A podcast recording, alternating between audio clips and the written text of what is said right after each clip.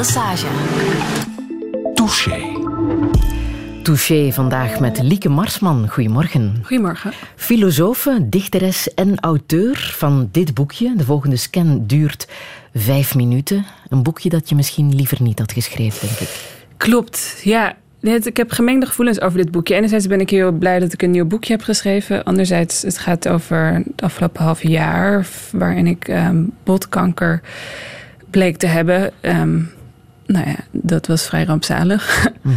Dus nee, ik had het liever niet geschreven. Ja, en je bent ook een beetje zuinig met gesprekken daarover. Dus ik mag blij zijn dat je toch naar Brussel bent afgezakt voor uh, dit uh, gesprek. Je hebt uiteraard meer geschreven dan dit ene boekje. Hè. Het is uh, begonnen met jouw debuutbundel Wat ik mezelf graag voorhoud van acht jaar geleden. Ja, klopt. Drie belangrijke poëzieprijzen heb je daar al voor gekregen. Dan was er de eerste letter. En dan was er al meteen een verzamelbundel. Man met hoed. Ja. Je was uh, toen 27 toen jouw gedichten werden Ja, klopt. Verzameld. Ja. Dat was eigenlijk een beetje een, een noodgreep, omdat ik uh, van uitgever was gewisseld en daardoor mijn eerste bundel niet meer verkrijgbaar was. En toen zei mijn nieuwe uitgever, nou, dat is heel zonde, dus laten we, laten we ervoor zorgen dat die gedichten uh, in druk blijven. En toen is er, nou ja, dus die verzamelbundel verschenen. Uh, Man met hoed was ook het allereerste gedicht van jou? Wel, en ja, in, in, ik heb in mijn eerste bundel staan twee gedichten die Man met hoed heten. In mijn tweede bundel staan ook twee gedichten met die titel. En nou, daarvoor heb ik ook nog uh, een gedicht geschreven met die titel. En dat staat nu ook in die verzamelbundel. 2005 noteer ik bij dat gedicht. Ja, Toen klopt. was je 15? 14 of 15, ja. Dat is jong, hè? Dat is heel jong, ja. Ja, ik... Uh, ik denk dat ik vanaf mijn veertiende wist dat ik dichter wilde worden. Of in elk geval gedichten wilde schrijven. En die het liefst ook zou willen publiceren. En uh, dat, is, gebeurd. dat is altijd zo gebleven, ja. ja ik had het ja. geluk dat ik al heel vroeg wist wat ik wilde. En er is ook al een uh, roman, uh, tegenovergestelde van een mens... waar we het zo meteen ook even zullen over hebben. Hoe zou jij jezelf omschrijven, Lieke Marsman? Um, levenslustig en vol verlangen en de laatste tijd ook vooral moe. Ja. Beetje hypochonder ook? Mm, ja, daar, daar twijfel ik over. Enerzijds denk ik dat ik altijd best wel een hypochonder was. Anderzijds heb ik echt een jaar lang rondgelopen met kanker zonder dat ik dat wist. En zonder dat ik naar die symptomen echt luisterde. Dus misschien ben ik al helemaal geen hypochonder. Mm -hmm. Iemand die ook houdt van slechte televisie. Zeker, ja. Ik heb heel veel slechte televisie gekeken de afgelopen uh, zes maanden, acht maanden. Ja. En daarvoor trouwens ook. Ja. Dat, uh. En wat doet dat met een mens? Kijken naar slechte televisie? Uh, nou ja, dat is een manier van ontspannen. Ik, er zijn twee dingen. Nou, het zijn wel meerdere dingen waarvan ik ontspan. Maar op de televisie zijn dat slechte programma's op MTV en sport. Ja dat vind je niet slecht, hè, een sport? Nee, nou ja, het sport, dat is goede televisie, dacht ik. Dat is uh, in elk geval vermakelijke televisie. En het is zo erg iets waartoe je je niet hoeft te verhouden... dat het ook heel ontspannend is, ja. Iemand die houdt van comfort ook? Zeker, ja. Tenminste, ik gun het mezelf eigenlijk nooit. Um, Hoezo? Ja, ik weet niet, ik ben altijd wel hard voor mezelf geweest volgens mij. En ook best wel opgegroeid met het idee dat, dat je gewoon moet werken en niet moet zeuren en moet doorgaan. Dat heb ik ook altijd gedaan. En daardoor heb ik denk ik ook wel veel stressklachten gehad in het verleden. En uh, nou ja, kan ik dus heel lang met pijn rondlopen zonder dat ik daar iets, echt iets, iets mee laat, laat doen. Mm, uh, dus ja, ik zeg nu altijd gekscherend als mensen vragen naar wat is je levensmotto. Dat mijn levensmotto kies comfort is. Maar ik, ik leef nog niet echt bij dat motto. En nu zitten jouw uh, collega's, of hoe moet ik het noemen, jouw medebewoners waar je in uh, Amsterdam mee samenwoont, wat te gniffelen, denk ik, hè, als je dat zegt. Ja. Want hoe woon je daar?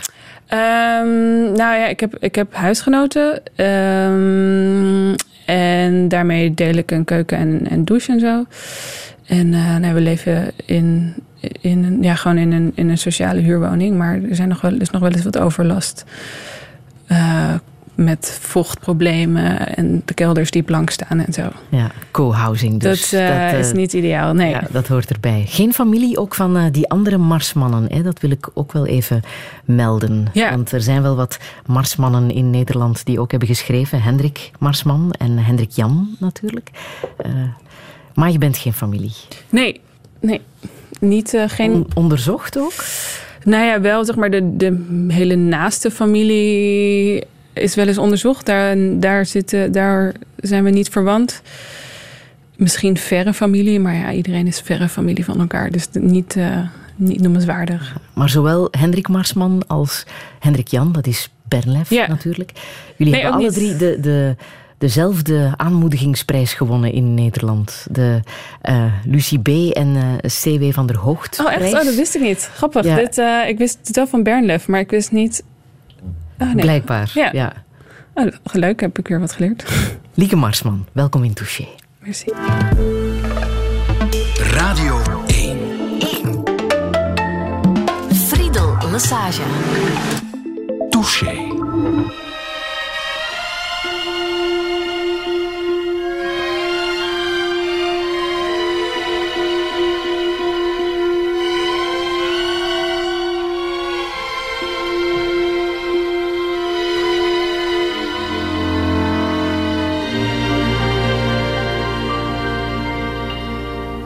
The doctor was looking at the x ray, and I asked him, What do you see? And he kept on looking at the x ray as he said in French to me, I see bones. I see gizzards and bones, and a few kidney stones among the lovely bones.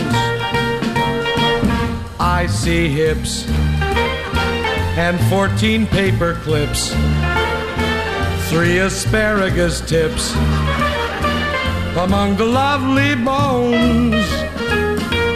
I see things in your peritoneum that belong in the British museum.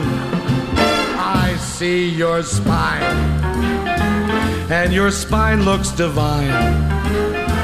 It's exactly like mine. Now, doesn't that seem strange? And in case you use pay telephones, there's two dollars in change among your lovely bones. Oh, hello there, nurse. Siba, Siba. Come over here and look at this x-ray. Siba, Siba. It's really remarkable. Siba, look at this. Isn't the lumbar vertebrae supposed to be connected to the clavicle? Well, I know, but with scotch tape. Hey, look what's in there. Look at that, it's a stamp. It's a 1922 McKinley Ultramarine Blue with imperfect perforations. I've got to get that out and put it in my collection. Look in there, there's printing. What does it say in there? U.S. certified grade A. Look at this, it's fascinating. See those little round things? You know what those are? Those are M&Ms. Those people are right. They don't melt. Among the lovely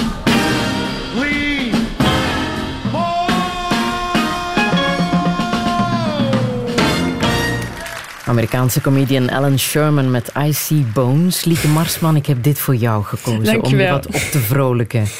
Want hoe lang is het geleden dat je nog eens in de scan lag? Um, ik lag voor het laatst in de scan uh, twee weken geleden. En yeah. hoe was het? toen? Uh, de uitslag was goed. En in de scan liggen, dat is, uh, ja, je moet gewoon een uur lang stil liggen. En dan uh, hoor je allemaal lawaai. Dat is een MRI-scan.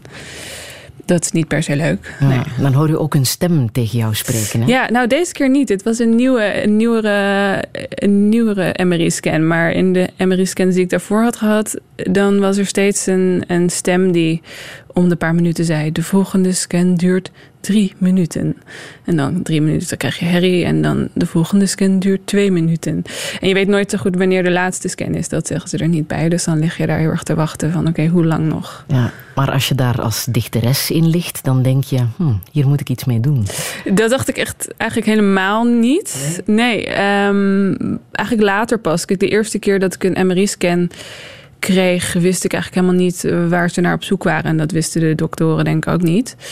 Ehm, dus toen ja, had ik ook helemaal geen gedachten bij die stem mhm. die dat soort dingen zei. Ehm, pas toen ze de volgende dag belde en vroeg of ik langs wilde komen. En ze me vertelde dat er een hele grote kwaadaardige tumor in mijn schouder zat. Pas eigenlijk ja, met terugwerkende kracht heeft die, heeft die eerste MRI-scan heel veel indruk gemaakt. Mm. Hoe was het om die uitslag te horen na uh, behoorlijk wat maanden zoeken hè, naar ja, ik heb, jouw pijn van Klopt, ik had uh, altijd heel veel pijn. En eerst was het een beetje pijn, zo weet je, dat je denkt, oh, ik heb een verkeerde beweging gemaakt of ik zit te veel achter de computer en ik, ik weet niet, ik zit niet, ik heb geen goede houding of zo. Dat was een beetje dat soort pijn. En langzaamaan werd die pijn steeds erger totdat ik het op het laatst eigenlijk niet meer kon lopen van de pijn in mijn schouder. Nou, dan heb je wel echt veel pijn, mhm. pijn in je schouder. En toen hebben ze eindelijk een scan gemaakt. Ehm, waar dus die uitslag uitkwam. Ja, hoe is dat? Ik, ik, kan het eigenlijk niet omschrijven. Ik denk dat mensen die een soort gelijke uh, slecht nieuwsgesprek hebben gehad, dat die het meteen begrijpen. Maar het is, ja, het is een soort ongeloof en, en alsof je buiten jezelf geplaatst wordt. Uh, shock. Ja, ik, ook omdat ze me niet konden vertellen op dat moment wat de prognose was. Dat was eigenlijk nog heel, heel onduidelijk. Ze wisten alleen dat het gewoon helemaal niet goed was. En dat het ook niet zo vaak voorkomt bij nee. jouw leeftijdsgenoten? Het komt sowieso niet vaak voor. Nou ja, uh, Want het heet met een moeilijk woord uh, chondrosarcoom? Ja, dat um, is een bepaalde soort botkanker, in dit geval kraakbeen. Uh, stellen die zich gaan delen. Mm um, het schijnt vooral op wat latere leeftijd voor te komen. En ook dan, geloof ik, in, in Nederland geloof ik 30 keer per jaar of zo. Ik weet, ik weet niet. Het, gewoon, het komt niet vaak voor. Dus daarom hadden ze daar ook niet aan gedacht toen ik uh, met klachten langskwam. Wat weet je daar nu over? Ben je gaan opzoeken? Ben je je gaan informeren? Nou, de eerste weken eigenlijk helemaal niet. Dat was de weken dat ik eigenlijk aan het afwachten was of het was uitgezaaid of niet. Toen dacht ik, ik wil echt helemaal niets hierover weten. Want als je gaat googelen, dan kom je natuurlijk ook overlevingspercentages en dat soort dingen tegen. Um, later, toen, toen de tumor eruit was, ik ben al heel snel geopereerd. Toen ben ik wel gaan zoeken, gewoon omdat ik wilde weten van... goh, wat als het terugkomt, wat zijn dan de mogelijkheden? Wat, uh, ja, dus nu... Nou ja, het is een, een vorm die niet reageert op chemotherapie... en eigenlijk ook niet echt op bestraling. Dus de mogelijkheid, ja, de enige mogelijkheid die je dan nog hebt is uh, snijden. Dat hebben ze gedaan? Dat hebben ze gedaan, ja. En uh, nee, dat geldt ook eigenlijk voor als het terugkomt. En die zat in jouw rechterschouder? Ja, in mijn schouderblad. Hm. Ja. En wat wist je over die operatie toen, toen ze eraan zouden beginnen? Mm, nou, dat het. Ja, wat wist ik daarover? Dat het wel een tijdje zou duren. En, en dat ze gingen kijken of ze het zo goed mogelijk weg konden halen. En. Uh, Iets gezegd over jouw arm ook? Mm, nee, niet. Nou, ze dachten wel. Uh, de eerste, in eerste instantie, ik ben gediagnosticeerd bij een neuroloog. Um, ja, die wist natuurlijk helemaal niets van, bot, van mhm. botten. Uh, dus die was toen wel bang dat mijn arm eraf zou moeten. Uh, en de orthopedische chirurg die me later geopereerd heeft, heeft mijn arm kunnen sparen. Dus dat is heel fijn. Mhm. En ja, verder mijn schouderblad is eruit. En, uh, een deel... Hoe vast is dat voor een schrijfster? Dat maakt eigenlijk niet zoveel uit. Want ik, mijn vingers doen het nog wel. En mijn pols doet het nog. En mijn elleboog doet het nog. Alleen mijn, mijn schoudergewricht doet het eigenlijk niet meer. Ja. Dus nee, je kunt je voorstellen wat je dan niet meer kan. Dat zijn dingen als ramenlappen. En uh, ja, alles met, met pakken en zo, daar, dan, mm dat is lastig. Mhm. Je bent schrijver, dus je hebt ook boeken gelezen hè, die over kanker gaan. Ja. Opvallend, uh, twee oudere boeken uh, waar je wel wat aan gehad hebt. Eentje van Audre Lorde, The Cancer Journals, het kankerdagboek. is een ja. boek uit 85. Dat is die Caraïbische-Amerikaanse schrijfster, ja. activiste, die ook gestreden heeft voor zwarte lesbische vrouwen. En dan ziekte als metafoor van uh, ook een activiste, Susan Sontag. Um, partner van fotografe Annie Leibovic. Waarom precies die twee boeken? Mm, nou ja, omdat ik al wist dat dat twee schrijvers zijn die ik sowieso goed vind. Um, en ik had deze boeken eigenlijk nog nooit gelezen.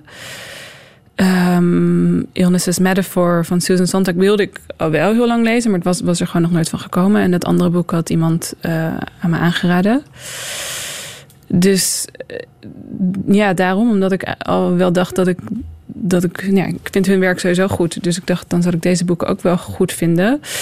En ik merkte dat ik um, best wel moeilijk vond, zeker die eerste periode en eigenlijk nog steeds, om over kanker te lezen. Um, dus dan kun je afvragen waarom ben je dan toch die boeken gaan lezen? Nou ja, omdat die ook over maatschappelijke thema's gaan. En dat vond ik er wel fijn aan dat het niet alleen maar een heel zwaar persoonlijk verhaal was, maar dat het meteen in een context werd geplaatst. Waardoor nou, op een bepaalde manier toch wat meer afstand en lucht ja. uh, inkomt. Want Susan Sondag schrijft over de kwalijke reputatie van kanker. Hè? Ja, en over de, nou, de metaforen die we gebruiken uh, als we het over ziektes hebben en over wat voor gevolgen. Mm -hmm. We vechten tegen een ziekte. Ja, bijvoorbeeld. Ja. Alsof je dan ja, winnaar of verliezer uh, bent als je niet genoeg gevochten hebt. Ja, ik vind dat, dat vind ik een, een lastige. Want ik heb. Uh, dat, dat, dat, dat ken ik, die gedachtegang. En die is ook de afgelopen tijd wel een paar keer tegen me gezegd: dat je niet mag, mag spreken over kanker alsof het een gevecht is. En daar sloot ik me in eerste instantie bij aan. Maar toen ging ik nadenken, dacht ik, ja, maar het voelt wel elke dag als een gevecht. Eigenlijk sinds die diagnose heb ik geen dag het idee gehad dat ik niet aan het vechten was. Um, dus waarom, waarom laat ik me dan andere mensen vertellen hoe ik over mijn ziekte mag spreken? En is het bij jou ook zo dat de reputatie van kanker het zwaarder maakt, het lijden ook zwaarder maakt, zoals Susan Sondag schrijft? Ja, ik weet het niet zo goed. Het is wel zo dat op het moment dat je zegt dat je kanker hebt, dat uh, iedereen stilvalt. Of dat iedereen denkt, oh, maar dat is echt erg. Dat Tegelijk schrijf jij, ja. ik heb maar tien dagen lang geweten dat ik kanker ja, had. Ja, klopt. Dat is ook het gekke. Achteraf, ik bedoel, ik liep er al zeker een jaar mee rond. En ik had ook al een jaar lang klachten. Maar ik wist niet dat het kanker was. Dus op dat moment maakte ik me geen zorgen. Toen heb ik me tien dagen lang verschrikkelijk veel zorgen gemaakt. Toen ben ik geopereerd en toen was het eruit. En nu is het eruit. Maar ik leef wel nog elke dag met die angst. Dus wat ik nu denk is, nou ja, kanker is een lichamelijke ziekte, maar je krijgt er eigenlijk ook meteen een, een psychische aandoening bij voor zolang je onder controle staat. Mhm. Ik denk dat dat het uh, zo zwaar maakt. En wat dat betreft denk ik dat die reputatie ook wel, ook wel klopt. Wat vind je van die woorden, kanker en tumor? Als je daarnaar kijkt zijn als, wel, als dichteres, het zijn, wel, het zijn wel heftige woorden. Mooi zijn ze niet, hè? Nee, ze zijn niet mooi. Wat ik wel grappig vond... Ik kreeg uh, een paar weken geleden een berichtje van iemand die mijn boek had gelezen. En dat, die was geloof ik... Uh, nee, die moleculair, moleculair bioloog of zo. Of die werkte... Uh, ja, die werkte ook veel met, met kankercellen. En die zei van, nou ja, heel vaak wordt kanker echt gezien als een soort verschrikkelijk, nou ja, gezwel, tumor, weet je wel. Iets verschrikkelijks wat je lichaam aanvalt. Maar goed, het zijn natuurlijk lichaams-eigen cellen. En hij omschreef het als kinderen die, uh, dat die cellen eigenlijk een soort kinderen zijn die van een helling afrennen en dan op een gegeven moment niet meer kunnen stoppen. En dat vond ik een hele mooie. Mm -hmm. Sindsdien ben ik minder boos op, op die tumor van mij. denk ik, oh, het waren eigenlijk maar kinderen die gewoon niet meer wisten hoe ze moesten stoppen uh, met delen in dit geval. Dat vond ik wel een, een prettige prettigere manier om daarover na te denken.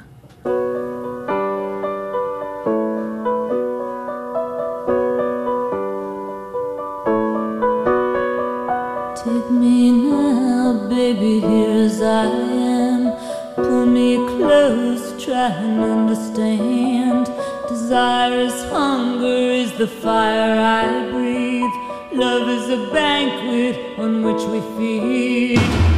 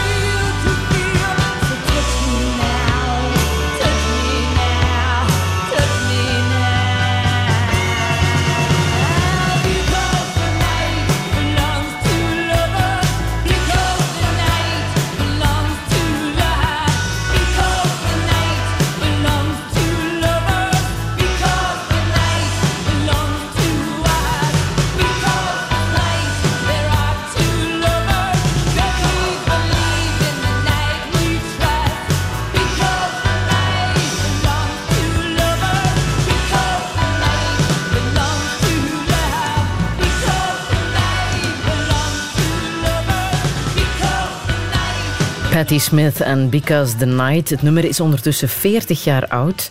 Ouder dan jij bent, Lieke Marsman. Dus het is niet van uh, jouw jeugd of zo, maar misschien van jouw ouders dat je dit hebt leren Nee, ik weet eigenlijk niet hoe ik dit ken. Ik luisterde het in mijn studententijd wel vaak.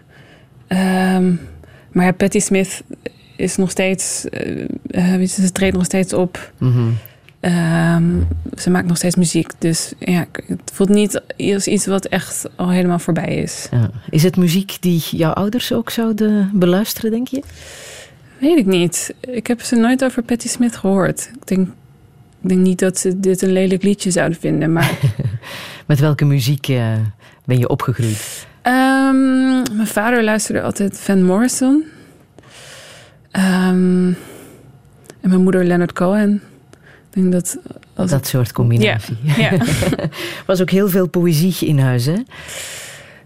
Um, ik weet niet, waar heb je dat ik toch ergens heel veel dichtbundels. Nee, dat is, dat is echt niet waar. Nee, wel heel veel boeken, maar niet, geen poëzie per se. Nee, ik geloof niet dat mijn ouders... Eh, nee, mijn ouders zijn geen poëzielezers, wel lezers. Ja, en waar kwam dat vandaan? Um, nou, er was, er was één dichtbundel die ik op een gegeven moment vond in huis. Uh, dat was een bundel van Judith Hertzberg. En um, ja, die ontdekte ik op een gegeven moment. Ik weet niet precies meer hoe. Gewoon, ik was een beetje in, in de boekenkast aan het kijken. En toen dacht ik, hé, hey, dat is een heel dun boekje. Wat is dat? En dat bleek uh, een bundel van Judith Hertzberg. En toen ging ik daarin lezen. En ik weet nog dat ik daar één gedicht in vond. Wat ik heel mooi vond. Um, dat was het gedicht Geen pijn. Geen pijn en zie een groot stuk lucht met zwaluwen en zelfs een reiger, maar moe van het gebogen en bewogen worden, moe op de wijze van ijzer. En ik denk dat ik veertien was en me daar gek genoeg heel erg in herkende. En ik moest toevallig deze week nog weer een keer aan dat gedicht denken, omdat het begint met de regel geen pijn. En ik had op mijn veertiende echt nog nooit pijn gehad. Dus ik snap eigenlijk niet zo goed waarom dat me toen zo aansprak. En dat je eh, daar nu En nu, precies, nu denk, denk ik daar weer aan. Denk ik, oh ja, maar nu... Um, ik bedoel, vorig jaar rond deze tijd had ik verschrikkelijke pijn. En ook wel voor langere tijd. En ik weet dat er... Nou, er zijn natuurlijk heel veel mensen uh, die chronische pijn hebben. En, nou ja, en dat gedicht raakt me nu eigenlijk misschien nog wel meer. Geen pijn. Ja en zie een groot stuk lucht, maar moe van het gebogen en bewogen worden. Um, dat na de pijn de vermoeidheid komt. En was dat gedicht van Judith Hersberg ook uh, voor jou de stimulans om zelf eens te proberen een gedichtje te schrijven? Ja, eigenlijk wel. Want ik, ik schreef al wel, maar ik had eigenlijk geen, het had geen vorm. Mm -hmm. Gewoon gedachten of zo. Of, of een dagboek. Ik heb ook altijd wel een dagboek bijgehouden. En toen ik die bundel las, dacht ik: hé, hey, maar er is dus zoiets als gedichten. En dat kun je zelf maken. Ehm, dus toen ben ik zelf gaan proberen te schrijven, ja. In het geheim, klopt dat? In eerste instantie in het geheim. Of in het geheim, ja, gewoon voor mezelf. Ehm, maar ik had eigenlijk al best wel snel dat ik dacht, ik wil het met mensen delen. Dus op een gegeven moment ben ik het wel aan mensen laten, mhm. eh, gaan laten lezen. Maar jouw vader uh, is leraar Nederlands, ja. dus de taalgevoeligheid heb je wel van iemand, denk ja, ik. Ja, zeker. Hoewel mijn ouders, of nee, ja, vaak grappen dat ik het meer van mijn moeder heb dan van mijn vader. Mijn vader vindt zelf dat hij dyslectisch is. Um, of in elk geval niet, ja. En hoezo dan van jouw moeder? Nee, mijn moeder is, die heeft wel echt een talenknobbel. Die is ook goed in, in andere talen. Aha. Maar zij is kinderpsycholoog. Uh, kinderpsycholoog, ja. ja.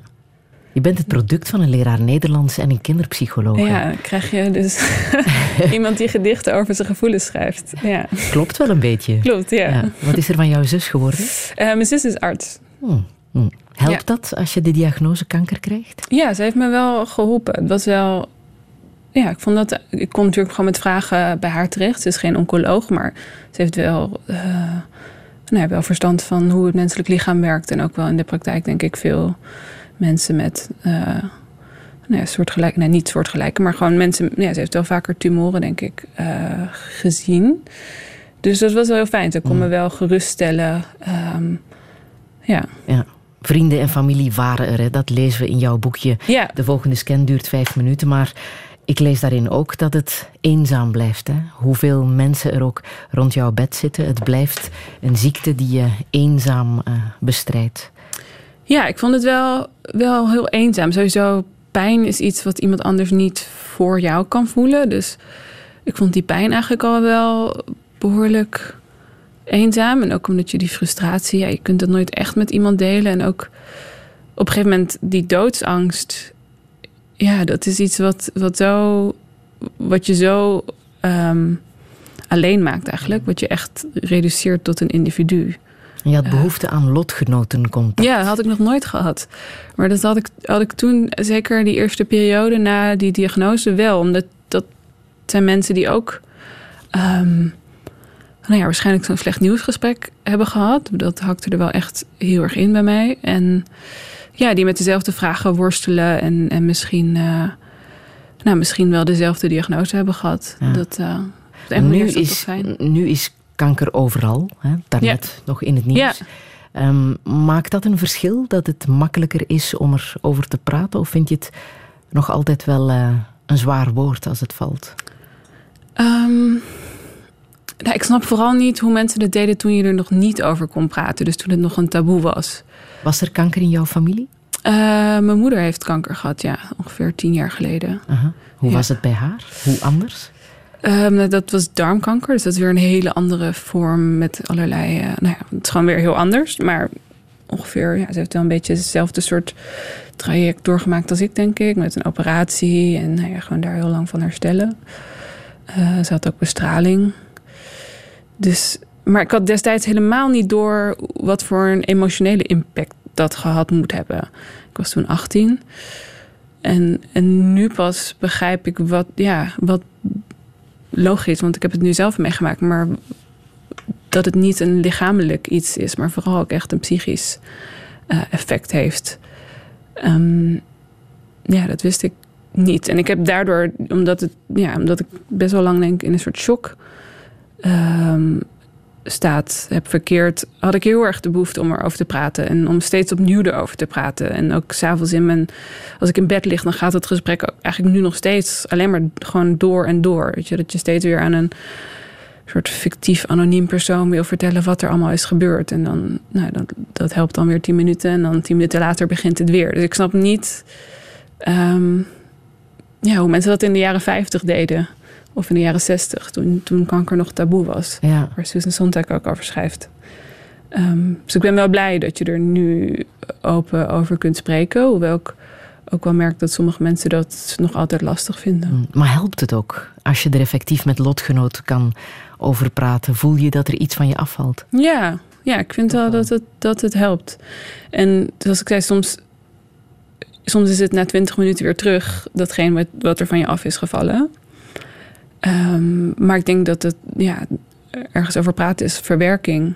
En, en je moet zoiets verwerken. En ja, dat, dat moet wel door te uiten. Want anders dan.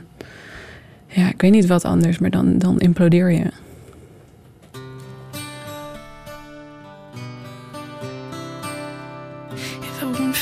Maturity.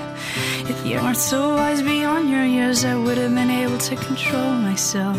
If it weren't for my attention, you wouldn't have been successful. And if, if it weren't for me, you would never have amounted to very much.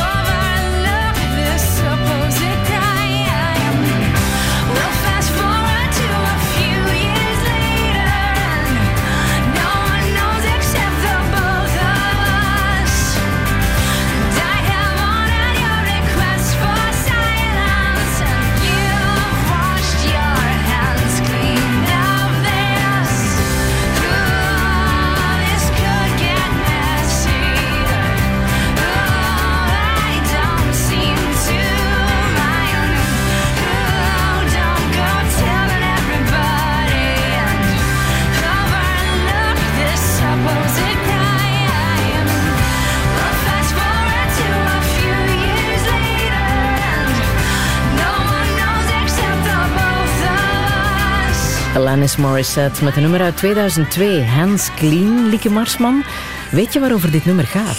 Volgens mij gaat het over ehm, haar relatie als jong meisje met een oudere man, ja. Was toen behoorlijk controversieel. Daar is wel wat commentaar ja, ik was, ik was toen elf, dus ik heb dat, ik, ik dat vond gemist. Het, ik vond het een leuk liedje. Ik vond het, nog, het was mijn lievelingsliedje jarenlang. Um, dus ik heb dat... dat Onbewust heb je meegezongen. Ja. ja, weet je, zoals je meezingt als, als elfjarige met Engelse liedjes, dat je de klanken nabootst, maar echt geen flauw idee hebt waar, waar het over gaat. Wat wou jij worden later als je groot zou zijn? Um, toen ik elf was, ik heb een tijdje geoloog willen worden. En uh, iets later, dus toen rond de tijd dat ik ging schrijven, wilde ik schrijver worden. Ah. En, een goed mens, wou je dat ook worden? Zeker, ja. Of dat, daar, daar ben ik altijd wel mee bezig geweest. Met wat het betekent om een goed mens te zijn, ja. Heeft jouw moeder echt tegen jou ooit gezegd... Mensen zijn slecht? Wel nee. nee, nee, dat, het is... Uh, mijn roman is fictie en er zit wel veel van mezelf in, dus veel gedachten. Maar ik heb ook dingen anders uitgesponnen om, om het verhaal ten goede te komen. Dan dus hebben we het over het tegenovergestelde van een mens. Ja, jouw romandebuut van vorig jaar. Prachtige titel is dat. En uh, ik was uh, blij verrast waar die inderdaad vandaan komt. Van dat zinnetje. Ja. Mensen zijn slecht. Ja. En Ida? En Ida, die dan uh, jong is als kind. Ja. ja. als kind dacht ze, oh, maar als mensen slecht zijn en ik wil goed zijn, dan moet ik het tegenovergestelde van een mens zijn. Wat is dat hoe, tegenovergestelde Ja, hoe doe je dat? Ja. Nou, daar gaat het boek over. Tenminste, dat is iets... Uh, het boek gaat over de tegenstelling tussen natuur en cultuur. En cultuur staat dan voor nou ja, hetgeen wat mensen bijdragen aan de wereld. En het feit dat dat heeft geleid tot klimaatverandering. Um, dus je zou ook kunnen zeggen: het tegenovergestelde van een mens is natuur. Um, maar wij zijn wel degene die de natuur aan het kapotmaken zijn. Ja, ja daar gaat het boek over. Ja, ze is uh, klimaatwetenschapster, uh, Ida, in het boek. En ze heeft, uh, net als jij denk ik, het beroemde boek van de Canadese activiste Naomi Klein gelezen. This Changes Everything, het boek ja, uit 2009. Toen jij dat boek las, wat is er toen bij jou gebeurd? Um, nou, ik ben eigenlijk na mijn studie, ik denk, ik ben nu drie, drieënhalf jaar geleden afgestudeerd. Als filosoof? Als filosoof, ja. En toen dacht ik, oh, nu uh, heb ik niet meer een verplichte leeslijst. Dus nu kan ik gewoon weer alles gaan lezen wat ik wil. En toen dacht ik, nou, waar wil ik meer over weten? En toen kwam ik al heel snel op klimaatverandering uit. Simpelweg omdat ik wel wist dat het een groot probleem was. Maar ik wist eigenlijk niet zo goed wat het nou betekende dat het klimaat verandert. Uh, toen ben ik daar heel veel over gaan lezen.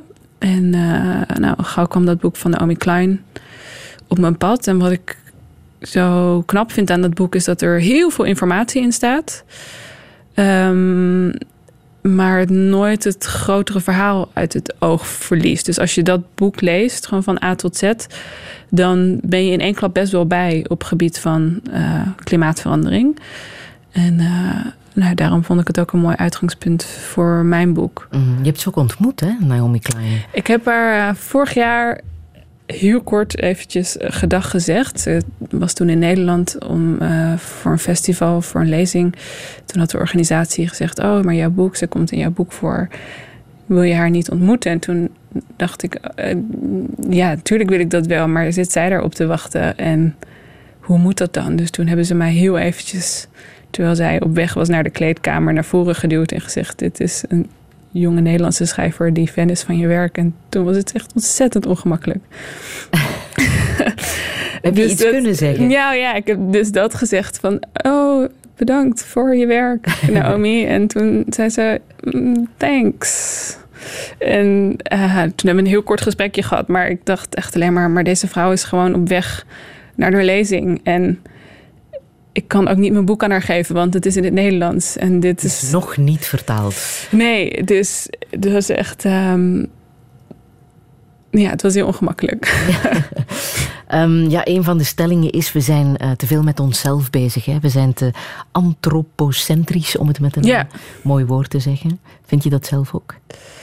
Um, ben je dat zelf ook? Ik vind het heel lastig, want het is, ik vind het enerzijds heel logisch dat mensen antropocentrisch en, en zelfs egocentrisch zijn. Want je bent ook het middelpunt van je eigen wereld. Het is onmogelijk om de wereld door iemand anders ogen te bekijken. Dus het is heel. En je moet voortdurend aan allerlei eerste levensbehoeften voldoen. Dus je, moet ook de hele, je bent ook de hele tijd bezig met uh, waar kan ik eten en wie is er aardig tegen me en wie niet. En, uh, dus ik vind het eigenlijk enerzijds heel logisch. Um, maar ik vind het niet logisch dat dat dan ten koste gaat um, van andere mensen en, en dieren en, en de natuur. Um, dus ja, wat dat betreft vind ik wel dat we als mensheid als geheel slecht bezig zijn. Ben jij slecht bezig? Ik ben ook eens, ja, ik ben ook wel eens slecht bezig. En dat was ook iets waar ik. Um... Dat is de vraag die je dan krijgt, natuurlijk. Hè? Als je ja, zeker. Ja. Jezelf uitgeeft als uh, milieuactiviste. Wat doe je? Ja, zelf? ik weet niet of ik mezelf uitgeef als milieuactiviste, maar dat klopt. Je kunt altijd, het kan altijd beter. Ik heb ook wel eens uh, dat ik meeliep in een, in een um, in een protest tegen of voor het klimaat. En dat iemand me erop wees dat ik schoenen met plastic zolen aan had. En dat dat dus absoluut niet, absoluut niet kon. En toen dacht ik, oh ja, ja het, kan ook, het kan altijd beter. Um, maar ik denk dat het klimaatprobleem niet iets is wat we als individuen moeten oplossen. Dus je kunt heel veel tijd erin gaan stoppen om zelf zo klimaatneutraal mogelijk te leven. En als je die tijd en het geld hebt, moet je dat ook zeker doen. Maar uh, ja, niet iedereen heeft die tijd en dat geld. Dus ik denk dat we het beter. Um, ja, uiteindelijk is het een collectief probleem, wat je ook echt alleen collectief kunt oplossen. En dat is ook wel iets wat ik merkte toen ik onderzoek deed um, voor, voor het tegenovergestelde van een mens. Dat het klimaatprobleem eigenlijk alleen maar op politiek niveau opgelost kan worden. Mm -hmm. um, dus we zouden politici veel meer onder druk moeten zetten en meer boeken schrijven die echt ergens over gaan, zoals wat Naomi Klein heeft gedaan? Ja, dat, ik denk dat dat boek. Um, ja, dat is een fantastisch boek. Dus het zou, dat moet, moeten meer van dat soort boeken zijn en ze moeten ook meer gelezen worden. Anders Besefte je dat toen je zelf begon te schrijven, dat een boek echt wel een krachtig middel kan zijn? Um, nee, eigenlijk niet. Nee, nee het was, ik ben begonnen te schrijven echt, ja, echt voor mezelf. Om, om, om uitdrukking te geven aan, aan individuele emoties.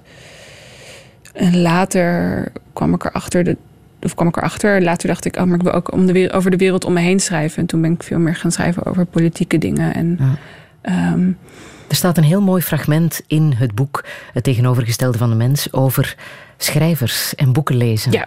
ja. Lees je het even voor? Ja, dit is. Um, dus Ida die aan het woord is, de hoofdpersoon van het tegenovergestelde van de mens.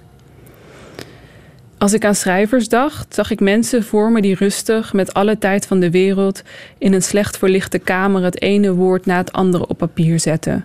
Zo nu en dan iets wegstreepten, opnieuw begonnen, een bladzijde verscheurde, maar rustig dus, erop vertrouwende dat de volgende bladzijde meer geluk zou brengen. Ik las steeds meer en meer. Mijn nieuwe vrienden waren grappig, slim en 24 uur per dag beschikbaar. In een hoge muur lagen ze rondom mijn bed opgestapeld. Mijn voorkeur ging uit naar boeken van vrouwen. Verdrietige, sterke vrouwen. Ik wilde zijn zoals zij. Vrouwen die met iedereen omgingen, maar helemaal niemand nodig hadden. En ik was precies het tegenovergestelde. Ik ging met helemaal niemand om, maar had iedereen nodig. Spreekt hier ook een heel klein beetje Lieke Marsman? Het zou zomaar kunnen. Toch wel, hè? Maar tussen die vrouwen zit ook wel een, uh, een man, denk ik. Amerikaanse schrijver David Markson. Het boek uh, Wittgensteins uh, Mistress. Ja. Dat is een boek dat jou heel na aan het hart ligt, hè? Ja, ik vind dat... Um, ik kwam ooit bij dat boek toen ik een essay van David Foster Wallace las. En ik was helemaal niet bekend met David Markson, dus... Ja, um, toen ik dat essay las, dat was best wel een enthousiasmerend essay. Dacht ik, oh, volgens mij wil ik dit boek lezen. En dat. Um, 54 keer aangeboden aan de uitgeverij. Ja, 54 ja het is heel vaak afgewezen door uitgeverij, omdat het zo'n vreemd boek is. Het is echt een boek zoals geen enkel ander boek. Um, het gaat over een vrouw die denkt dat ze de laatste persoon op aarde is. En in het boek is ze dat ook. Maar je vraagt je de hele tijd af: is dit nou echt? Lees ik nu echt een boek waarin er nog maar één persoon op aarde is? Of lees ik een boek over een vrouw die gek is? Um, en ze gaat eigenlijk de hele kunstgeschiedenis af ehm, op zoek naar, ja, naar een manier om te zeggen dat ze bestaat. En het is een, een hele lange monoloog. Um, vol met fantastische feitjes en weetjes. Die jij zo geweldig vond dat je er zelf bent gaan aanzitten aan dat boek. Ja, ik heb op een gegeven moment dacht ik, volgens mij moet dit allereerst moet het boek een groter publiek bereiken. En, um, toen dacht, en daarna dacht ik, ik zou het fantastisch vinden als dit, deze monoloog ook op het toneel te zien was. Dus toen heb ik uh, stukken vertaald en omgekneed tot een, uh, een monoloog voor in het theater. Is het ondertussen gespeeld? Ja, ja. ja vorig jaar al. Ja. ja. En? Ja, ik vond het fantastisch. Ik vond het ook leuk dat het dus echt bereikte wat ik hoopte namelijk dat meer mensen David Markson gingen lezen. Touché.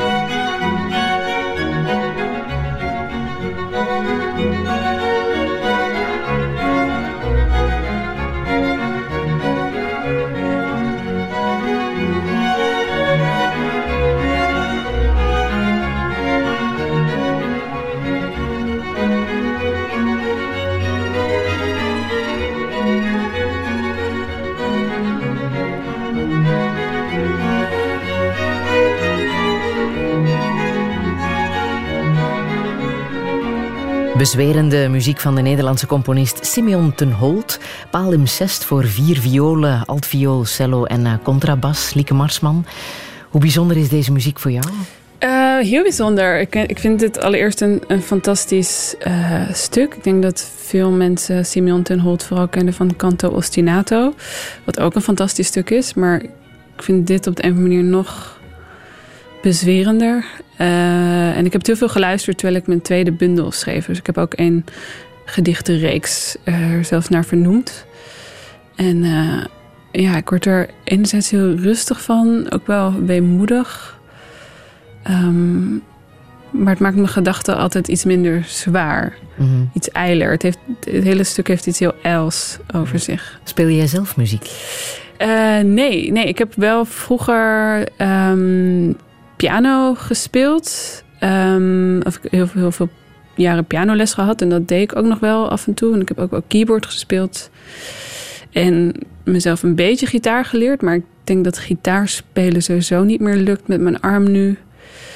En keyboard wordt ook lastig. Misschien dat dat nog wel zou kunnen. Mm Dat heb ik nog niet geprobeerd eigenlijk. Mm.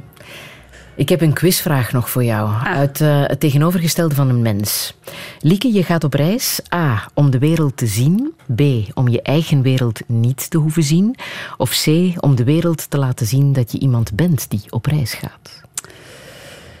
Um, idealer, idealiter A. Maar ik vrees dat ik ook wel een beetje onder C val. Om de wereld te zien, maar toch ook om de wereld te laten zien dat je iemand bent. Nou, of vooral om mezelf te laten zien dan. Dat ik iemand ben die op reis gaat. Om mezelf te bewijzen dat ik dat kan. Wat was je laatste reis? Um, even denken. Ik was deze zomer um, met mijn vriendin op vakantie naar Slovenië en Italië. Um, was het goed? Dat was heel goed. Ja, dat was echt. Uh, nou, het was onze eerste vakantie samen en dat was heel goed bevallen. ja, ik ga sowieso het liefst naar de bergen als ik op reis ga. En uh, nou, die waren er volop. Dus dan is het al snel goed voor mij. Mm. Reizen, lezen natuurlijk, uh, muziek, het brengt allemaal rust. Sport ook, zei je bij het begin? Dat is ja. gewoon kijken en, nou ja, ik hou zelf, vergaan. Zelf heel erg van zelfsporten. Ik uh, heb jarenlang tennis gespeeld. Ik ben bang dat dat ook lastig wordt nu met mijn arm. Hoewel ik wel aan het proberen ben om met links te leren tennissen. Um, en nou ja, ik volg vooral tennis altijd heel erg op, op tv. Waarom tennis? Uh, ja, omdat ik er zo mee opgegroeid ben. Ik ben op mijn vijfde begonnen met tennis. En ik kijk altijd alle Grand Slams. En nog steeds. Dus ook al tennis ik nu niet meer zoveel. Uh, vroeger tenniste ik echt vijf keer per week, denk ik. Misschien nog wel meer. En dat is, dat is gestopt toen ik uh, op mezelf ging wonen. Um, ja, ik weet niet. Ik vind het een fantastische sport. Er zit alles in. En sport is er ook altijd. Ook wat er ook gebeurt in de wereld, een sportwedstrijd wordt zelden afgelast. Klopt, ja. Of er is altijd wel ergens sport op de wereld en dus op de televisie. Dus daar kun je altijd uh, op rekenen. Ja, Musea zijn er ook altijd. Daar kan je ook altijd binnenlopen. Ja, klopt. Maar Als die je zijn één, niet... één werk mag ontlenen en bij je thuis mag hangen, welk werk zou dat zijn? Um, ik vind het werk van uh, de Chirico heel mooi. Die soort van hele vreemde, ja, surrealistische, lege landschappen. Uh, Beetje René Magritte-achtig. Ja. Is dat, hè? Ja, ja, ja nog leger. Nog, nog uh, ja, ik kan niet echt omschrijven. Ik denk, nee, dat, als mensen die het werk kennen, die snappen wel wat voor soort sfeer dat oproept. En ik had heel lang een poster van een schilderij van Kandinsky boven mijn bed met heel veel kleuren. Um, nou, die zou ik ook best in het, in het echt uh, boven mijn bed willen. Bij de echte versie hangt in Madrid, geloof ik. Dus dat gaat niet lukken. Ik heb nog muziek uit de film Happiness van Todd Solondz. Ja. Een film uit 98. Waarom heeft die jou zo geraakt? nou, het is allereerst een fantastische absurdistische film. Maar hoe ik daar ooit bij kwam, was ik had volgens mij een keer ik had liefdesverdriet. En toen zei een vriend van me: Je moet de film Happiness kijken, want die heeft de meest geweldige openingsscène ooit. Waarin een vrouw het uitmaakt met een man. Uh, en hij dan de uh, regels uitspreekt: You think I'm shit, I'm champagne. and you're shit. Uh, en dat is een soort running gag geworden. Of in ieder geval iets wat ik nu heel vaak zeg als mensen onaardig tegen me zijn. You're shit and I'm champagne.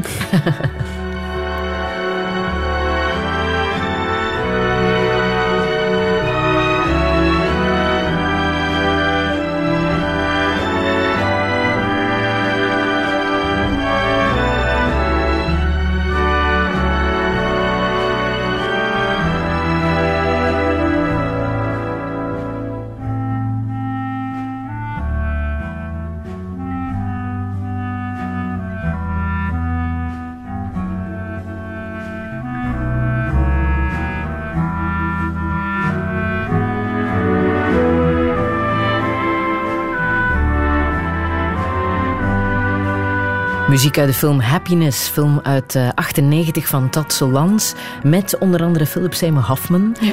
Uh, zometeen praten we verder uh, met Lieke Marsman in Touché, zometeen na het nieuws van 12 uur. Tot zo.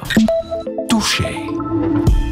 Touché met de Nederlandse filosoof en schrijfster en dichteres Lieke Marsman. Als kind al schreef ze in het geheim poëzie, maar haar talent was te groot om lang verborgen te houden. Op haar 28ste heeft ze al een verzamelbundel uit en een paar mooie prijzen op zak, maar ook een levenservaring die kanker heet. Eind april kreeg ze te horen dat in haar pijnlijke schouder een kwaadaardige tumor zat. Een zeldzame vorm van kraakbeenkanker gooide roet in haar jonge leven. Maar ze vecht terug en met succes. Al is ze het eens met Susan Sontag, die schrijft dat de kwalijke reputatie van de ziekte het lijden alleen maar erger maakt.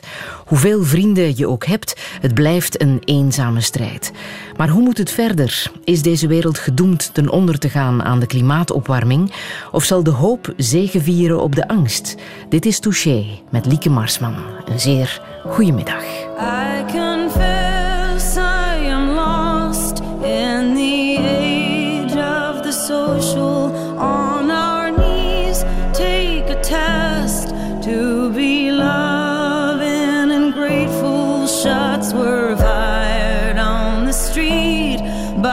Church where we used to meet. Angel down, angel down, but the people just stood around.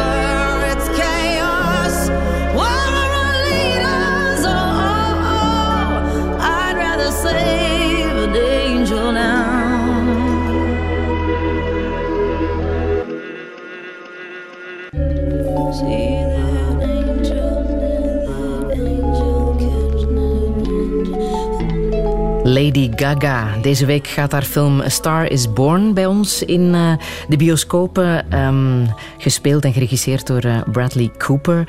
Maar dit nummer, Angel Down, Lieke Marsman, heb jij gekozen. Ik denk omwille van dat eerste zinnetje dat ze zingt. I confess I am lost in the age of the social. Jij als dichteres, hoe zou jij dat dichterlijk vertalen? Ehm, nou, volgens mij gaat het over. Nou ja, ik beken dat ik verloren ben in, in ja, de age, age of the social. Hoe zou je dat omschrijven? Het netwerktijdperk. Het tijdperk waarin iedereen de hele tijd met elkaar in verbinding staat. Denk ik. En eh, verder vind ik het een heel mooi liedje. Om, nou ja, het is een best wel politiek lied. Op een gegeven moment zingt ze ook eh, Where are our leaders? En nou ja, dat vraag ik me ook regelmatig af. Ehm, ja, Ben je wel mee bezig, hè? Verkiezingsdagen, dat zijn jouw favoriete dagen. Ja, ja, ja afgelopen ehm, verkiezingsdag in Nederland was eind maart, kreeg ik eh, te horen dat ik kanker had. Dus dat was een iets minder favoriete dag. Maar doorgaans hou ik, ja, ik voel dat, voelt dat heel spannend. Dan word je wakker en dan weet je, oh, vandaag mag ik stemmen. En dan vanavond, wie weet, valt het dit keer eindelijk eens goed. Kom over twee weken nog eens terug naar België, want dan uh, is het hier allemaal uh, te doen. Hè? Ja, dan ben moeten wij naar de stembus voor de hoop, gemeenteraadsverkiezingen. Ik hoop, dat, ik hoop echt heel erg dat jullie een goede keuze gaan maken. belangrijk. Ja. Maar het voordeel was, toen je in je ziekbed lag, dat er iets was op tv hè, om naar te kijken. Ja, in Nederland had je de afgelopen maanden een nogal groot debat over de dividendbelasting, of die nou wel of niet afgeschaft moest worden. En kort uh, gezegd? Uh, um, dividendbelasting um, afschaffen, dat, is, dat kost heel veel geld. Dan krijg je namelijk uh, 2 miljard minder per jaar als overheid. Het wordt namelijk betaald door grote bedrijven, uh, door multinationals. En als je ja, geen belasting meer hebt over die dividend uh, die zij uitkeren, dan ja, dan loop je nogal wat geld mis. Dus het is best wel een grote beslissing, een miljardenbeslissing, die ten gunste uh, is van grote bedrijven. En daar was nogal veel over te doen. Ook omdat geen enkele politieke partij in zijn verkiezingsprogramma had gezegd. Wij willen die belasting afschaffen. Met andere woorden, er is flink gelobbyd door uh, onder andere Shell en Unilever. En nou ja, er waren nogal wat debatten over op tv. En ik lag op dat moment uh, herstellende van kanker op de bank. Dus ik heb dat allemaal goed kunnen volgen. Ja, en er was ook een uh, uitspraak van uh, de VVD-fractievoorzitter Klaas Dijkhoff. Ja, ja. Die jou kwaad maakte.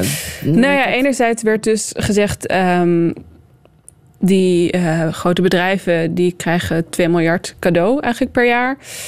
En anderzijds zei Klaas Dijkhoff nog maar een paar weken later dat de bijstand verlaagd moest worden, of in elk geval anders geregeld. Wat er in de praktijk op neer zou komen dat mensen in de bijstand minder geld.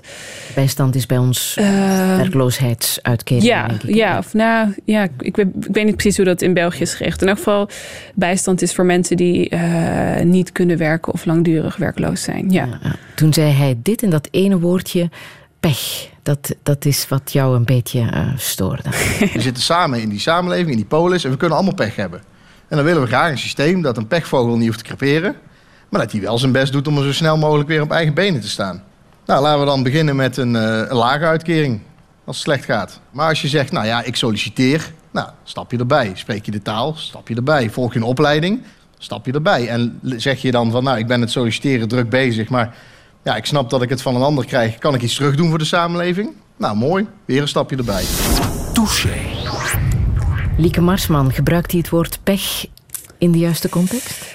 Nou ja, voor mij was dit heel interessant, omdat ik op dat moment zelf pech had gehad. Ik had namelijk doorgekregen dat ik kanker had. En een kankerdiagnose is. Uh, is dat pech? Is, nou, ik vind een kankerdiagnose kun je nog wel pech noemen. Maar als je vervolgens in de bijstand raakt, dan is het waarschijnlijk geen pech meer. Kijk, ik, ik had een sociaal vangnet. Ik had het geluk om een sociaal vangnet te hebben, waardoor ik uiteindelijk niet uh, geen uitkering hoefde aan te vragen, omdat mensen in mijn omgeving mij konden helpen. Maar als je dan nog een keer pech hebt, namelijk je hebt ook de pech dat je geen sociaal vangnet hebt en je hebt misschien ook wel de pech dat je in armoede bent opgegroeid. Al die dingen samen. Op een gegeven moment pech klinkt niet zo erg. Pech klinkt als iets wat je een keertje overkomt. Maar ik denk de redenen waardoor mensen in de bijstand belanden zijn veel systematischer. En um, nou ja, wat me ook in dit fragment. Kijk, als je als, in Nederland als uh, zelfstandig ondernemer arbeidsongeschikt raakt, um, dan raak, kom je al heel snel in de bijstand terecht. En ik voelde op dat moment, bedoel, ik lag met een enorme wond in mijn rug op de bank. Ik kon op dat moment niks doen. Uh, en hij gaat er heel erg vanuit. Um, ja, wat kan, je, wat kan je doen voor de samenleving? En natuurlijk is het ook heel belangrijk um, als mensen een bijdrage leveren. En ik denk ook dat heel veel mensen dat willen. Zeker nog, het is fantastisch om niet ziek te zijn en om te kunnen werken. En als je dat kunt, dan doe je dat ook.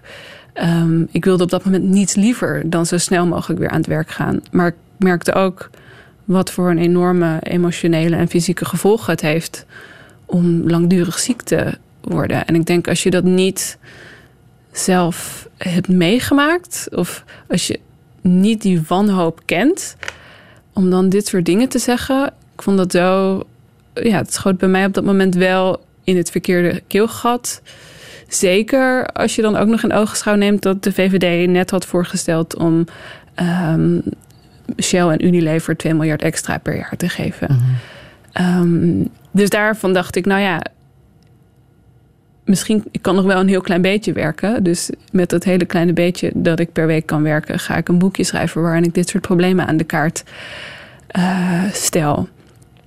Algemeen vind je het ook um, vreemd dat er altijd maar meer uh, wordt gefocust op gevolgen en niet op oorzaken. Dat is ja, in deze ook zo. Hè? Er wordt weinig gepraat over de oorzaken van mensen die in de bijstand uh, geraken. Ja, het gaat altijd over uh, nou ja, bijvoorbeeld als het over stress gaat, gaat het altijd over hoe kun je stress oplossen. Welke meditatiecursus moet je volgen om zo snel mogelijk van je stress af te raken. Maar nou ja, het is nog altijd zo dat voorkomen... Het komt ook ergens vandaan. Ja, voorkomen is beter dan genezen. En ik denk dat op dit moment de reden dat er zoveel stressklachten zijn... en dat zoveel mensen een burn-out hebben... heeft niet zoveel te maken met of ze wel of geen whirlpool tot hun beschikking hebben... of wel of niet vaak genoeg naar de yoga gaan. Maar doordat dat er een samenleving is die zo erg um, op prestatie gericht is... en op het halen van targets en... Um, ja. En, dat er zoveel druk uh, op mensen ligt. En ik weet niet hoe dat in België is, maar bijvoorbeeld in Nederland, uh, in de Randstad, is het op dit moment best wel moeilijk om als starter een woning te krijgen. Ik zie zoveel vrienden om me heen die voor een heel laag ZZP-tarief zichzelf helemaal kapot werken en dan alsnog geen huis kunnen krijgen. Dus een beetje van tijdelijke woning naar tijdelijke woning zwerven. En dat leidt tot best wel veel stress. Mm. Um, zou het kunnen dat er in preventie geen winst zit? Dat zou zomaar kunnen, ja. Behandeling. Ja, dat is. Uh, ja, dat, dat denk ik. Dat is, ook, dat is ook iets wat Audre schrijft over kanker. Dat, ja. Um, ja, denk je ook echt dat de farma-industrie daarop winst maakt? Winst maakt op de ziekte kanker? Ja, dat denk ik niet alleen. Dat dat is keer op keer aangetoond als je gaat googlen op farmaceutische industrie winst kanker. Er gaat, gaan miljarden in om. Er zijn mensen die miljarden verdienen aan de behandeling van kanker. En enerzijds ook terecht, want je wil ook genezen van kanker als je dat hebt. Maar het feit dat um, medicijnen expres duur worden gehouden, bijvoorbeeld, vind ik heel kwalijk. Um, ja, dat er zoveel geld omgaat in iets wat voor mensen een, een strijd om leven of dood is, vind ik wel schrijnend. -hmm. Ook een schrijnende gedachte die jij neerschrijft is... Wil je rijk worden, creëer dan een probleem en neem een patent op de oplossing. Ja, ja dat is denk ik... Uh, uh, nou, dat zie je in klimaat... Uh, bij klimaatverandering zie je dat bij kanker ja, ook wel. Ik zeg niet dat de farmaceutische industrie kanker creëert. Dat, dat, maar ja, er worden, gaan wel heel veel patenten in om. En, um, Maakt jou dat moedeloos? Ja, ik weet. Ik, mm. nee, ik ben, ik ben wel vaak moedeloos, maar hiervan. Ik heb toch altijd ook wel weer. Als ik heel even moedeloos ben geweest, dat ik denk: nee, maar ik moet hier, we moeten hier met z'n allen. Je schrijft het wel op, hè? Ja. ja. Is dat jouw strijd? Jouw dat is mijn strijd en het is ook mijn manier om, om andere mensen hopelijk in beweging te krijgen. Dus ik schrijf dit op en je kunt er moedeloos van worden, maar je kunt ook denken: ja, maar we moeten dus nog meer ons uitspreken en politici veel meer onder druk zetten. Um, dat, ja, maar wat we er... kwader zijn ja, dat, politici. Ja, vind ik wel. Um, bijvoorbeeld de farmaceutische industrie, die altijd weer de mazen in de wet vindt om, om uh, rijk te worden over, de, over de rug van andermans ziekte. Um, ik denk dat dat veel beter geregeld zou kunnen worden. Ja. De Audrey Lord van Nederland. Is Lieke Marsman de Audrey Lord van Nederland? Uh, ik zou het fantastisch vinden om dat te zijn. Ja, maar um, nou, ik ga het proberen. Ik ga het proberen, ja.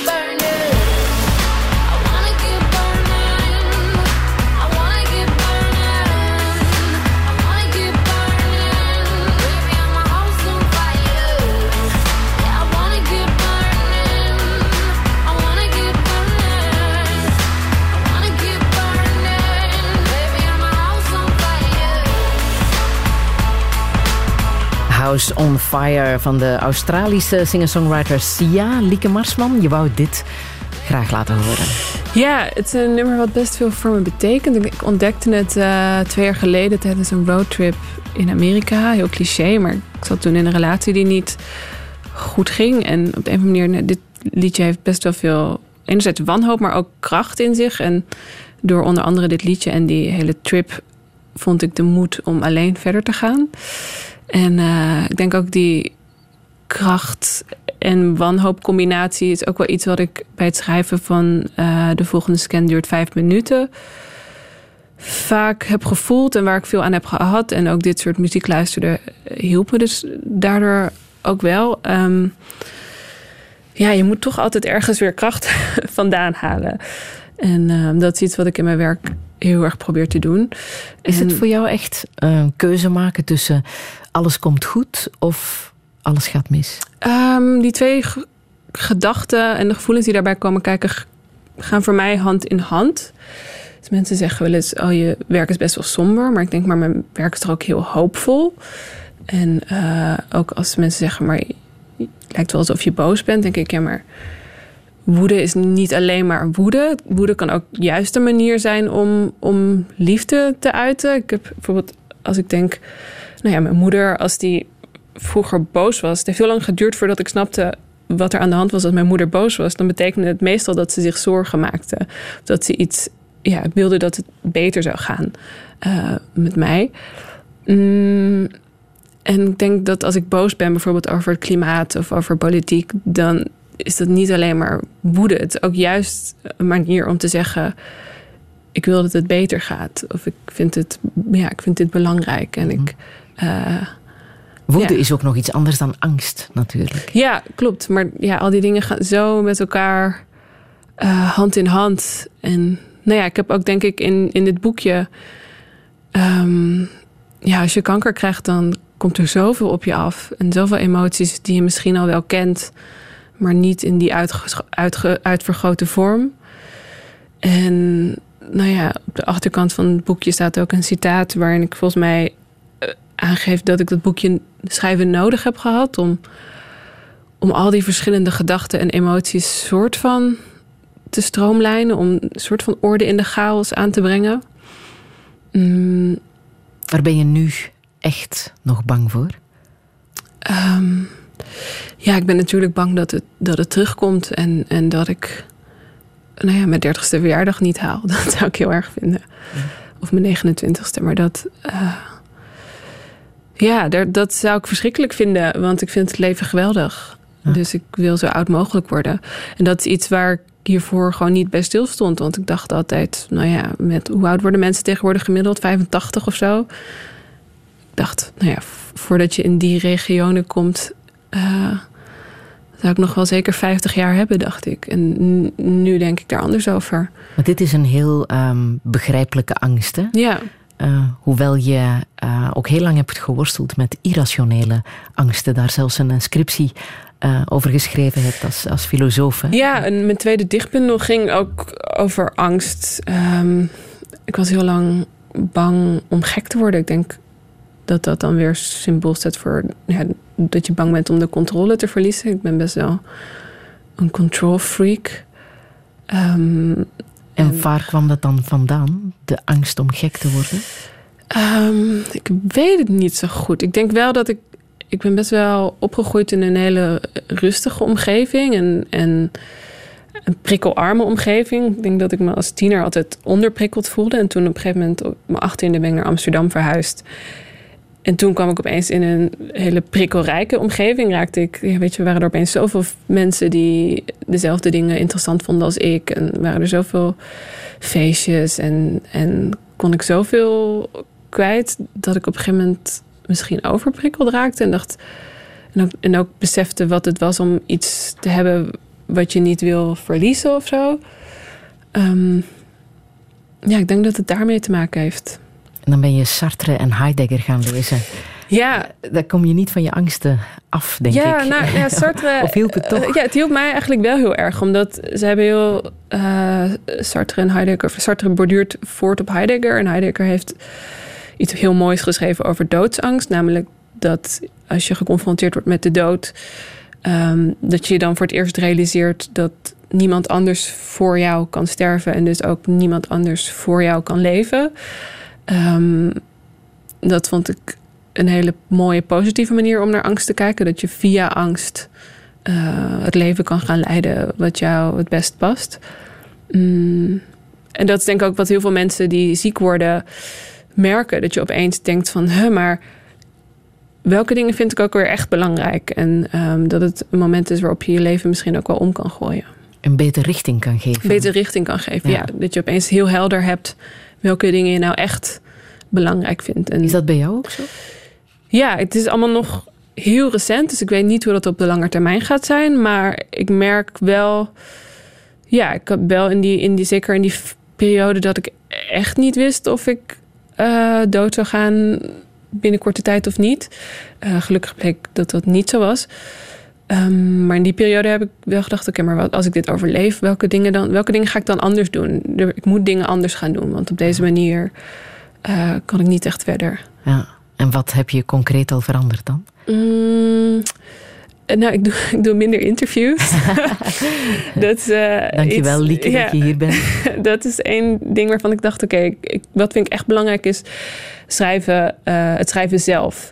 En wat minder alles wat daarbij komt kijken. Dus optredens en zo. Um, en verder, ja, ik heb nog niet heel veel... Ik wil verder met, met over politiek schrijven. Dat is ook echt iets wat ik belangrijk vind. Ja, maar dat is allemaal professioneel, hè? Je bedoelt in mijn privéleven, wat ik daarin anders wil. Nou ja, ik had het geluk dat ik, maar dat was al voordat ik ziek uh, werd, um, een verkering kreeg met iemand die fantastisch is. Dus op dat, wat dat betreft hoef ik op privé-niveau op dit moment niet heel veel te veranderen. Geen zorgen te maken? Nee, dat zit op dit moment goed. Um, ja, Kies comfort was mijn levensmotto uit het eerste deel van de uitzending. Dat zou ik wel meer willen doen, maar ik vind het heel moeilijk om rustig aan te doen. Verhuizen naar een huis vol domotica. Ja.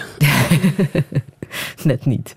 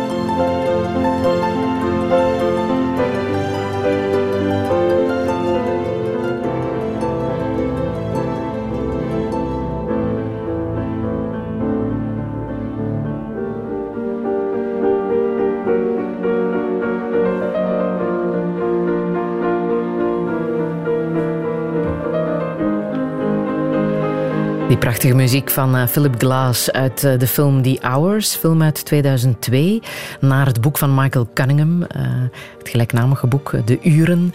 Lieke Marsman, zowel boek als film hebben jou geraakt? ja, vooral de film. Die kijk ik denk voor het eerst toen ik 15 was of zo, echt zo, ja, in die periode. En ik vond die film zo mooi. Wat gebeurde er bij jou um, toen je hem zag? nou ja, het, zit, het gaat over het boek van Virginia Woolf, over Mrs. Dalloway. En in de film heb je uh, Nicole Kidman, die speelt Virginia Woolf. Je hebt uh, Julianne Moore, um, die speelt een vrouw die dat boek leest. En je hebt Meryl Streep, die speelt eigenlijk een eigen tijd Mrs. Dalloway. En, en alle drie hebben een, wel een soort korte lesbische uh, fling in de film. En uh, nou ja, rond die tijd kwam ik er zelf ook achter dat ik op vrouwen viel.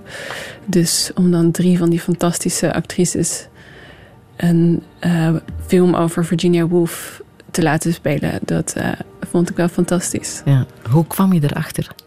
Waar achter precies? Oh, dat, dat, je op vrouwen viel? Um, ja, misschien wel onder andere door dit soort films. Doordat ik merkte dat ik dat toch wel heel interessant vond. Um, en op een gegeven moment, doordat ik gewoon verliefd werd op een meisje. Um, ja.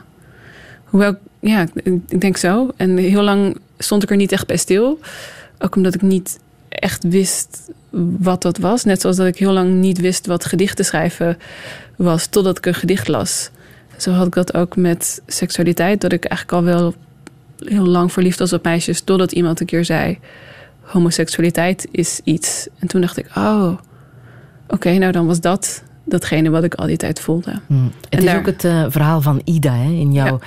debuutroman. Het uh, tegenovergestelde van een mens. Uh, Ida, die je wil als kind graag als jongen door het leven en kneedt zelfs een piemeltje waarmee ja. ze in bed duikt. Heb jij dat ooit gedaan? Nee, nee, helemaal niet. Nee, dit was eigenlijk een manier om, om nou ja, het thema van het boek, het tegenovergestelde van een mens, nog iets verder uit te werken. Dat je dacht, hoe, hoe, kan iemand nou het tegenovergestelde zijn? Misschien door het tegenovergestelde uh, gender aan te nemen. Maar eh, nee, dat is niet iets wat ik herken in Ida. Ida schaamt zich ook wel voor haar geaardheid, volgens haar vriendin. Ja, dat heb ik wel heel lang gehad. Wat best gek is, want ik ben heel vrij opgevoed. En ik heb nooit de angst gehad dat mijn ouders me zouden verstoten, bijvoorbeeld. Um, vrienden misschien wel. Ik bedoel, en waar schaamde je je dan voor? Ja, dit is toch, an, het is toch anders dan, um, dan hetgeen wat het meest voorkomt, of het gebruikelijk is. En er kleven toch best wel veel stereotypes uh, aan homoseksualiteit, zowel voor mannen als voor vrouwen. Ik denk dat ik ook bang was dat mensen me opeens daarin zouden plaatsen en uh, anders naar me zouden gaan kijken. Had je het moeilijk om het te accepteren voor jezelf? Nee, voor mezelf eigenlijk nooit. Ik, ik, uh, ik heb het geluk, ik had niet een soort geïnternaliseerde homo-haat of zo, wat je ook nog wel eens hoort. Dat mensen eerst naar zichzelf eigenlijk uh, uit de kast moeten komen voordat ze dat naar de buitenwereld toe kunnen. Dus dat had ik helemaal niet. Maar ja, je bent dan op een leeftijd dat de mening van anderen gewoon heel erg belangrijk is. Dus ik was denk ik daar gewoon bang voor. Mm Is het bepalend voor jouw identiteit? Mm, in die tijd wel. Ik had wel echt, ja, zeker toen ik naar Amsterdam verhuisde, was ik daar heel erg mee bezig. Dat ik veel uitging in de gay scene en zo. Nu niet meer. Mm Nee. Liefde, wat is dat? Um, oh, daar heb ik geen antwoord op. Nee. Helemaal niet? Mm, het wel, ja, ik weet niet. Ik, ik, Nee, ik denk helemaal niet. Ik denk dat je dat pas weet als je het hebt, een onvoorwaardelijke liefde voelt. Ik denk dat dat iets is wat ik in voorgaande relaties wel eens gemist heb, maar wat ik nu.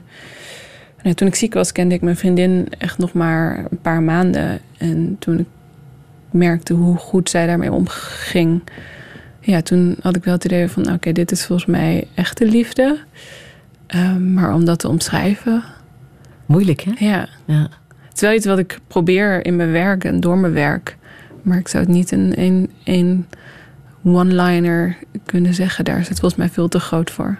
Patricia de Martelaar heeft het wel gedaan. Belgische filosoof. Ah. Die in één zinnetje, een zinnetje dat jij trouwens ook ergens uh, citeert, ehm, die schrijft: Onder iedere geliefde ligt het lege bed. Oh ja, wat, ja dat vond bedoelt ze daarmee, denk je? Ik weet niet wat zij ermee bedoelde, maar toen ik die zin las. Ehm, ja, ik vond dat een hele mooie omschrijving van. Maar ik weet niet of dat een omschrijving is van gelukkige liefde. Ik heb dat in, mijn, in het tegenovergestelde van een mens opgenomen, omdat de liefde tussen Ida en Robin, haar vriendin, niet uh, heel goed van de grond, grond komt. En nou ja, dan is de zin onder iedere liefde ligt het, onder iedere geliefde ligt het lege bed. Geeft heel goed aan hoe moeilijk en misschien wel onmogelijk het is om ooit echt met je geliefde samen te smelten en te zijn. Uh, dat vond ik heel mooi. Ik vind haar werk zo fantastisch. Ja. Maar is dat dan de liefde? Samensmelten? Nee, want als je samensmelt, dan is er geen verhouding meer mogelijk. Dus um, samensmelten kan niet het ideaal van de liefde zijn. Er moet altijd een zekere afstand zijn. En in die afstand kun je elkaar lief hebben. Um, dus nee, samensmelten is niet het ideaal. Maar vaak voelt het toch alsof dat het ideaal zou zijn. Als je echt samen kan smelten. Maar ik denk dat ik nu nou ja, dat ook minder, daar minder naar verlang. Ik ben nu heel blij dat ik een relatie heb waarin we allebei ook nog wel veel ruimte hebben. En dan zijn juist de momenten waarin je samen bent extra waardevol. Mm Waarin geloof jij? Um, ik geloof niet in God, hoewel ik soms wel heel graag zou willen dat ik daarin geloofde. Zeker op momenten, de momenten van de diepste wanhoop afgelopen jaar dacht ik wel eens, oh, geloofde ik daar maar in? En ik snapte opeens ook heel goed dat mensen daarin kunnen geloven. Maar meer dan begrijpen, ehm, verder dan dat is niet gekomen. Soms denk ik wel dat ik in het lot geloof. Mm, maar dan alleen met terugwerkende kracht. Dus ik geloof niet dat we. Um, ik geloof niet dat alles voorbestemd is en dat we geen enkele invloed hebben op de dingen die we doen en de dingen die er gebeuren om ons heen. Maar ik geloof wel dat er soms dingen gebeuren waar je geen invloed op hebt. En dat, ja, dat het toeval dan een soort lot, lotsbestemming is.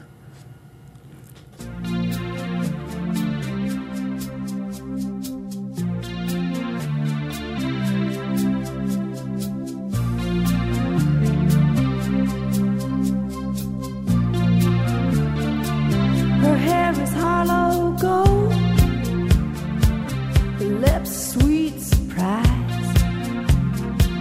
Her hands are never cold.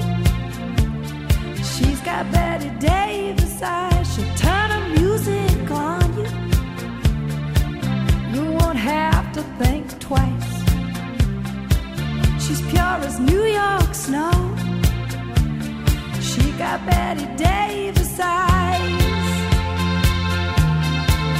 And she'll tease you she'll unease you.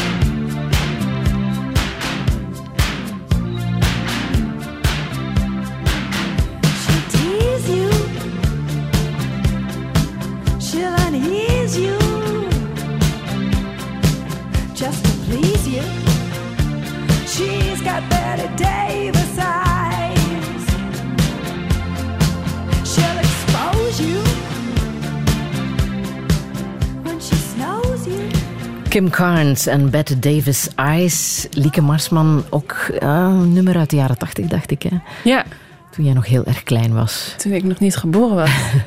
Ehm, ja, ik, ik vind het, het, een liedje wat ik altijd... Uh, nou ja, als ik met vrienden of op een feestje ben, altijd diep in de nacht... dan zet er altijd wel iemand dit liedje op. Uh, en ik weet niet, ik vind het gewoon een fantastisch nummer. Mhm. Je bent nu 28, hè? Ja. Wat zou je echt nog willen in het leven? Mm, oh, ik wil alles nog. Ik, uh, ik wil in elk geval mm, nog meer boeken schrijven. Dat is iets wat ik wel, wat ik heel helder heb.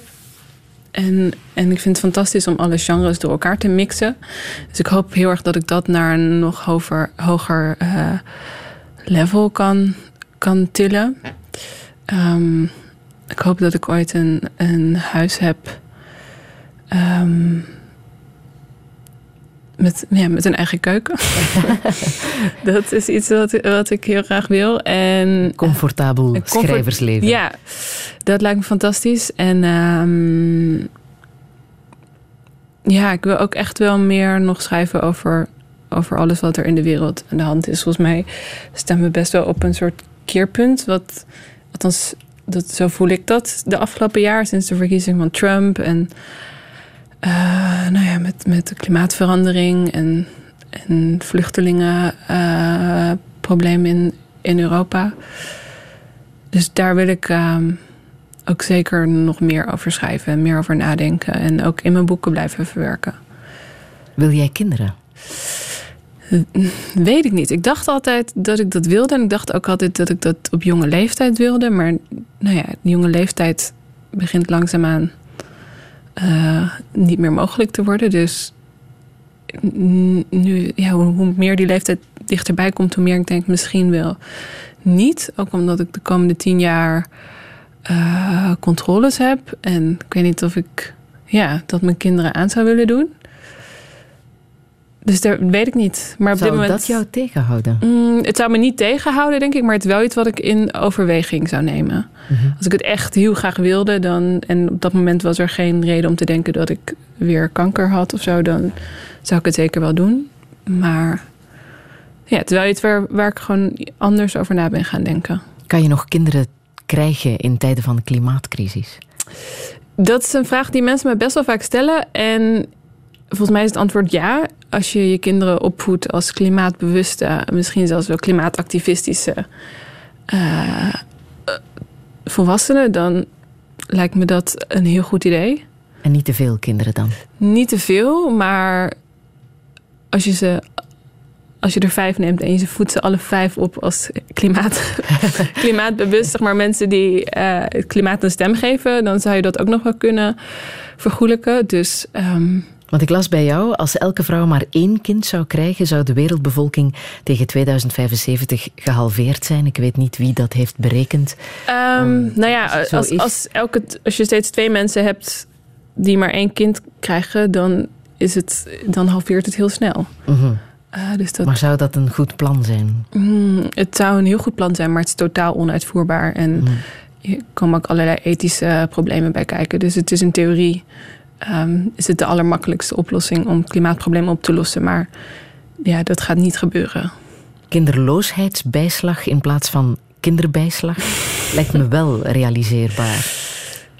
Ja, dat, zou, dat is iets. Is dat een goed plan? Dat is iets wat ik ooit uh, geopperd heb. Niet, ik weet niet of ik het serieus opperde. Het was iets waar van ik dacht, nou, misschien moeten we daar eens over nadenken.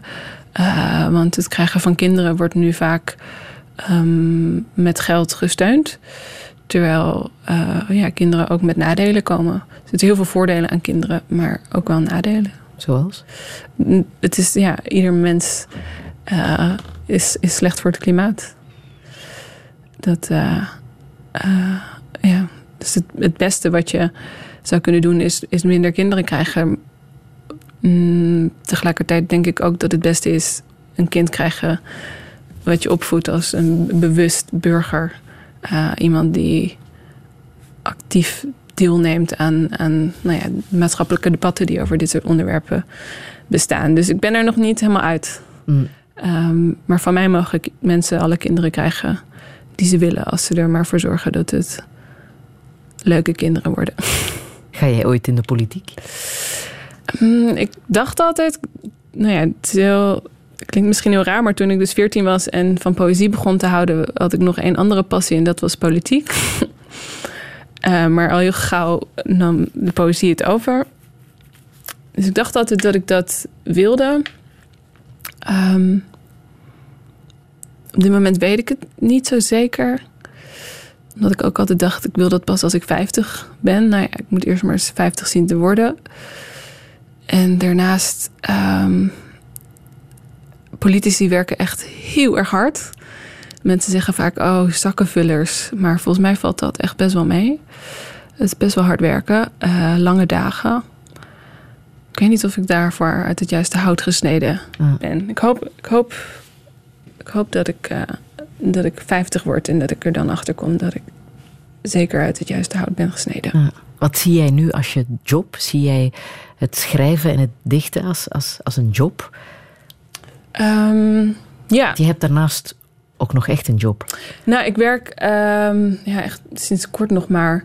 Schrijf ik af en toe teksten voor GroenLinks. Uh, wat eigenlijk heel goed past bij het werk wat ik.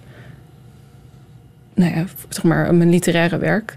Dus je zit ook een beetje in de politiek.